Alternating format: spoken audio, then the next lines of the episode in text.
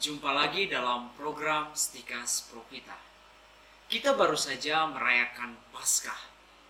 Dan Anda tahu bahwa Paskah tahun ini merupakan Paskah yang paling sepi dalam sejarah hidup kita. Sebab pergaulan kita dibatasi, kita nggak boleh berkeliaran ke mana-mana, kita nggak boleh ngumpul dalam suatu acara tertentu, tapi semuanya itu demi kebaikan kita sebetulnya. Lalu kita lihat juga bagaimana pintu-pintu rumah Tuhan pun tertutup untuk umum. Dan kita hanya bisa mengikuti Paskah dengan bantuan teknologi.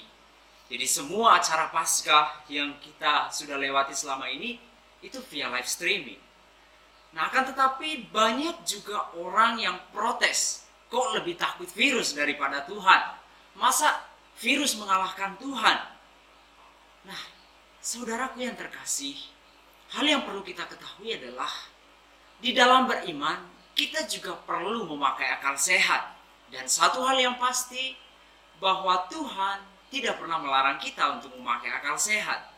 Sama seperti kalau misalnya ada bencana letusan gunung berapi atau bencana-bencana lain, ya kita harus mencari perlindungan. Kita tentu saja bijaksana dalam hal ini. Nah, saudara-saudari yang terkasih, kita sudah tahu semua penyebabnya. Mengapa perayaan Paskah kita demikian? Ini adalah sebuah wabah, sebuah bencana yang menimpa hampir seluruh negara di dunia ini. Tetapi ada sesuatu yang menggelitik yang mungkin luput dari perhatian kita. Maksud saya begini, ada sebuah syair lagu terkenal yang mungkin sering kali dinyanyikan saat ada bencana-bencana di Indonesia. Banyak orang menyukai lagu itu. Nah, salah satu kalimat syairnya itu begini. Anugerah dan bencana adalah kehendaknya. Ya, kurang lebih seperti itu. Artinya, rahmat dan bencana itu datang dari Tuhan. Kebaikan dan kejahatan ditumpahkan Tuhan ke atas dunia ini. Mungkin kita menyukai lagu itu karena mungkin bagus, keren, mantap.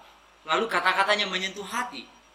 Tetapi saudara, sebetulnya ini bukan ajaran kita. Kita mungkin berpikir gampang bahwa wabah corona ini datang dari Tuhan. Ini merupakan tanda kiamat. Apalagi orang selalu menghubung-hubungkan dengan bencana-bencana dalam kitab suci. Tentu saja hal ini tidak benar. Jadi banyak orang terjebak dalam pemikiran dan pemahaman bahwa bencana ini datang dari Tuhan. Nah, kita tidak bisa menyalahkan Tuhan dalam hal ini. Lalu dengan gampang kita mengatakan, Tuhanlah yang menghendakinya, Tuhanlah yang merancangnya. Ya tidak benar seperti itu. Tuhan tidak mungkin baik tetapi sekaligus jahat. Tuhan tidak mungkin terang sekaligus gelap. Tuhan tidak mungkin menciptakan sekaligus menghancurkan. Masa Tuhan seperti itu? Akan tetapi saudara, dalam Tuhan hanya ada kebaikan. Karena dia adalah kasih. Hakikat dari Tuhan adalah kasih. Lalu pertanyaan kita adalah, dari mana datangnya kejahatan? Dari mana datangnya wabah ini? Kita tidak perlu mencari tahu tentang hal itu. Lalu tuduh sana sini yang belum tentu benar. Apalagi suka menyebarkan berita-berita takut yang tidak jelas asalnya yang membuat orang panik. Yang jelas, wabah ini itu karena kelalaian manusia, entah sengaja atau tidak. Jadi sekali lagi katakan, ini adalah kelalaian manusia. Jadi bukan saatnya kita mencari kesalahan orang lain. Apalagi menuduh Tuhan sebagai sumbernya. Jelas ini bukan dari Tuhan. Kalau kita berpikir, masa Tuhan yang penuh kasih, Tuhan yang adalah sumber kebaikan, menumpahkan wabah atas ciptaannya. Dan kalau itu keyakinan kita, itu berarti sangat berlawanan dengan kodrat Tuhan sebagai kasih dan kebaikan. Lalu timbul satu pertanyaannya adalah kalau begitu bagaimana menyikapi hal ini? Apa yang harus kita lakukan di dalam menghadapi situasi seperti ini? Nah, saudara, sebetulnya ini saatnya bagi kita saling mendukung. Seperti yang dikatakan Paus Fransiskus, Saatnya bagi kita untuk bersolidar dengan orang lain, saling membantu, dan tidak hanya memikirkan diri kita sendiri. Justru wabah ini harus menjadi kesempatan bagi kita untuk menyalurkan kasih kepada sesama kita. Kita memperkuat persaudaraan. Dan ujian akan iman kita kepada Allah itu mendapat tantangannya saat ini. Sejauh mana kita mencintai Dia, sejauh mana kita mencintai Allah, dengan bersolidar kepada sesama dan tunjukkan bahwa Anda dan kita semua adalah orang yang mampu memberi kesaksian kepada dunia bahwa Tuhan sumber segala kebaikan melalui sikap kepedulian kita.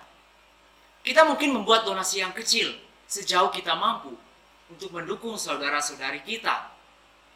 Dan teristimewa juga saudara, kita mendukung juga tim medis yang merawat saudara-saudari kita yang sedang sakit. Saat ini, tim medis adalah benar-benar pahlawan yang berdiri di garda terdepan untuk pertempuran ini. Mari kita juga mendukung program pemerintah untuk mengurangi laju penyebaran virus ini. Nah, saudara-saudariku yang terkasih, mari saya mengajak Anda, kita mau berdoa untuk saudara-saudari kita yang sakit, yang terkena virus corona ini Semoga mereka semua boleh mengalami kesembuhan.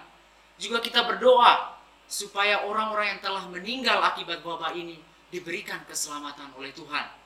Dan pada akhirnya kita juga mohon supaya dunia ini diberikan rahmat oleh Tuhan supaya kita juga dijauhkan dari wabah ini. Tuhan memberkati kita. Salam